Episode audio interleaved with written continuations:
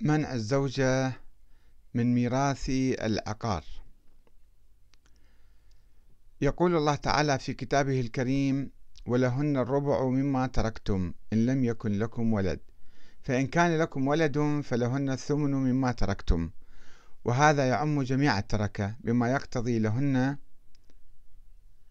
آه، الميراث منها. ولكن الشيعة قالوا أو بعض الفقهاء يعني أو الشيخ المفيد قالوا إن الزوجات لا ترث من رباع الأرض شيئا وإعطائهن بدلا من ذلك قيمة البناء والطوب والخشب والآلات. وخصصوا بذلك عموم القرآن كما يقول الشيخ المفيد بناء على ما تواتر لديهم من أحاديث عن عن أئمة الهدى من آل محمد بأن المرأة لا ترث من رباع الأرض شيئا إذ ثبت الخبر عن الأئمة المعصومين بذلك. ويجب القضاء بخصوص العموم يعني تخصيص العموم بخبر متواتر. لا سيما وأن أهل السنة يخصون العموم وظاهر القرآن بأخبار الآحاد الشاذة ومنهم من يخصه بالمراسيل من الآحاد والظن الفاسد الذي يسمونه قياسا. فكيف ننكر خبرا ثبت عن النبي من جهة أترته الصادقين؟ وأضاف المفيد إن للشيعة أن يقولوا أن الرباعة ليست مما تركها الأزواج لجميع الورثة وإنما قضى عموم القرآن لاستحقاق الزوجة الربع من تركات الأزواج والثمن على ما بينه الله عز وجل. وإذا لم يثبت من جهة الإجماع ولا دليل قاطع للعذر أن التربة والرباعة من تركات الأزواج للزوجات بطل التعلق بالعموم في هذا الباب. ورد المفيد على أحد علماء أهل السنة في صاغان مدينة في خراسان الذي اعترض على مخالفة الشيعة إجماع المسلمين في هذه المسألة ولم يذكر اسم ذلك الشيخ.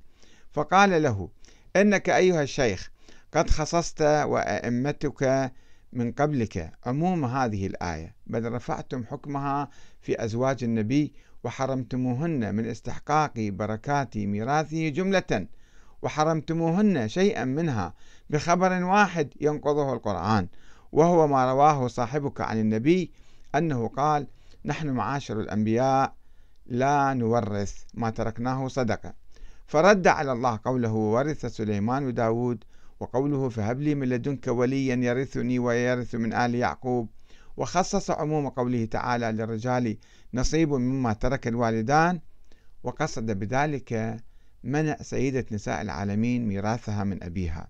مع ما بيناه من إيجاب عموم القرآن ذلك. وظاهر قوله تعالى يوصيكم الله في أولادكم للذكر مثل حظ الأنثيين وربما كان السر وراء انفراد الشيعة بهذا التخصيص لعموم آية الميراث للزوجات وهو الرد على أبي بكر في منع الزهراء فدك ومحاولة تجريد السيدة عائشة من ملكيتها بيتها الذي دفن فيه رسول الله ولو بعد قرون. إرث البنت مع الأعمام. وكما كان ثمة سر وراء الإفتاء بحرمة بحرمان الزوجة من ميراث العقار يبدو أن هناك أيضا سرا مشابها وراء الإفتاء بإعطاء جميع الإرث للبنت الوحيدة وعدم إعطاء النصف للأخوة والأعمام والأقارب كما يقول أهل السنة. وذلك من أجل منع العباسيين من ادعاء الحق في وراثة النبي سياسيا. وقد ناضل الشيخ المفيد في الدفاع عن هذا الموقف الفقهي السياسي المتأخر. وقد سئل في مجلس الشريف أبي الحسن علي بن أحمد بن إسحاق حول حوز البنت المال دون العم والأخ. فقيل له أخبرنا عن رجل توفي وخلف بنتا وعما كيف تقسم الفريضة في تركته؟ فقال إذا لم يكن ترك غير المذكورين فالمال بأسره للبنت خاصة وليس للعم شيئا. فقال السائل لما زعمت أن المال للبنت خاصة وليس للعم شيئا؟ وما الدليل على ذلك؟ فقال الشيخ شيخ المفيد الدليل على ذلك من كتاب الله ومن سنة نبيه ومن إجماع آل محمد.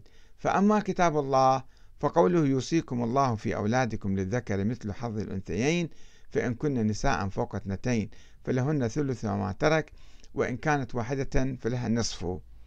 فأوجب سبحانه للبنت النصف كملا مع الأبوين وأوجب لها النصف الآخر مع العم بدلالة قوله تعالى وأولي الأرحام بعضهم أولى ببعض في كتاب الله من المؤمنين والمهاجرين وذلك أنه إذا كان الأقرب أولى من الأبعد كانت البنت مستحقة للنصف مع العم كما تستحقه مع الأبوين بنصف التلاوة بنص التلاوة. ونظرنا في النصف الآخر ونظرنا في النصف الآخر ومن هو أولى به أهي أم العم؟ فإذا هي وجدناها أقرب من العم لأنها تتقرب بنفسها والعم يتقرب إلى الميت بجده والجد يتقرب إلى الميت بأبيه فوجب رد النصف الباقي إلى البنت بمفهوم آية ذوي الأرحام. وأما السنة فإن رسول الله صلى الله عليه وآله لما قتل حمزة ابن عبد المطلب وخلف ابنته وأخاه العباس وابن أخيه رسول الله وبني أخيه عليا وجعفر وعقيلا فورث رسول الله ابنته جميع ما جميع تركته ولم يرث هو منها شيئا ولا ولا ورث أخاه العباس ولا بني أخيه أبي طالب رحمه الله.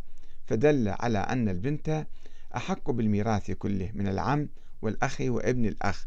وقد قال تعالى وما أتاكم الرسول فخذوه وما نهاكم عنه فانتهوا. وأما إجماع آل محمد فإن الأخبار متواترة عنهم بما حكيناه. وقد قال رسول الله إني مخلف فيكم الثقلين كتاب الله وعترتي أهل بيتي وإنهما لن يفترقا حتى يرد علي الحوض.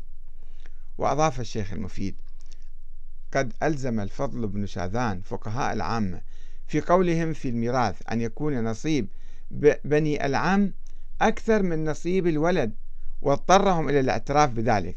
قال لهم خبروني عن رجل توفي وخلف ثلاثين ألف درهم. وخلف ثمانية وعشرين بنتا وخلف ابنا واحدا. كيف يقسم ميراثه؟ فقالوا يعطى الولد الذكر ألفي درهم وتعطى كل بنت ألف للذكر مثل حظ الأنثيين. قال لهم فما تقولون إن كان موضع الابن ابن عم؟ فقالوا يعطى ابن العم عشرة آلاف درهم وتعطى البنات كلهن عشرين ألف درهم. فإن كن نساء فوق اثنتين فلهن ثلث ما ترك. قال لهم الفضل بن شاذان فقد صار ابن العم أوفر حظا أوفر حظا من ابن من الابن للصلب والابن مسمى بأبيهم وأبوهم يتقرب بجده والجد يتقرب بابنه وهذا نقض الشريعة.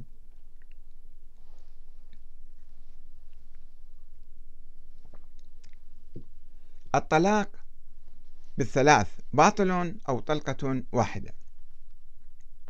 وهذه مسألة خلافية كبيرة بين السنة والشيعة عبر التاريخ وقد التزم عموم فقهاء أهل السنة بكونها ثلاثا وبينونة المرأة من زوجها كما لو طلقت ثلاثا وذلك تقليدا لحكم الخليفة عمر باعتبار الطلاق بلفظ الثلاث ثلاثا وكان من المتوقع أن ينتصر الشيخ المفيد لرأي أئمة أهل البيت المخالف لهذا الحكم فقال لا خلاف أنه رفع إلى عمر رجل قد طلق امرأته ثلاثا فأوجع رأسه ثم ردها إليه وبعد ذلك رفع إليه رجل قد طلق كالأول فأبانها منه فقيل له في اختلاف حكمه في الرجلين فقال قد أردت أن أحمله على كتاب الله عز وجل ولكني خشيت أن يتتابع فيه السكران والغيران فاعترف بأن المطلقة ثلاثا ترد إلى زوجها على حكم الكتاب. وإنه إنما أبانها منه بالرأي والإستحسان فعملنا من قوله على ما وافق القرآن ورغبنا عما ذهب إليه من جهة الرأي. وأضاف على أنه لا خلاف بين أهل اللسان وأهل الإسلام أن المصلي لو قال في ركوعه سبحان ربي العظيم ثم قال في عقيبه ثلاثا سبحان ربي العظيم ثلاثا سبحان ربي العظيم ثلاثا ولو قال في سجوده سبحان ربي الأعلى ثلاثا. ولو قرأ الحمد مرة ثم قال في آخرها بلفظه عشرا أو قال الملاعن أشهد بالله أربعا إني لمن الصادقين. لم يكن كذلك. لابد أن يكرر الكلام أربع مرات. لا يقول عشرا أو ثلاثا أو أربعا أو ما شابه. آه، نتوقف هنا لكي نتابع بقية الأحكام الفقهية التي يختلف فيها الشيعة الإمامية عن بقية المسلمين. والسلام عليكم ورحمة الله وبركاته.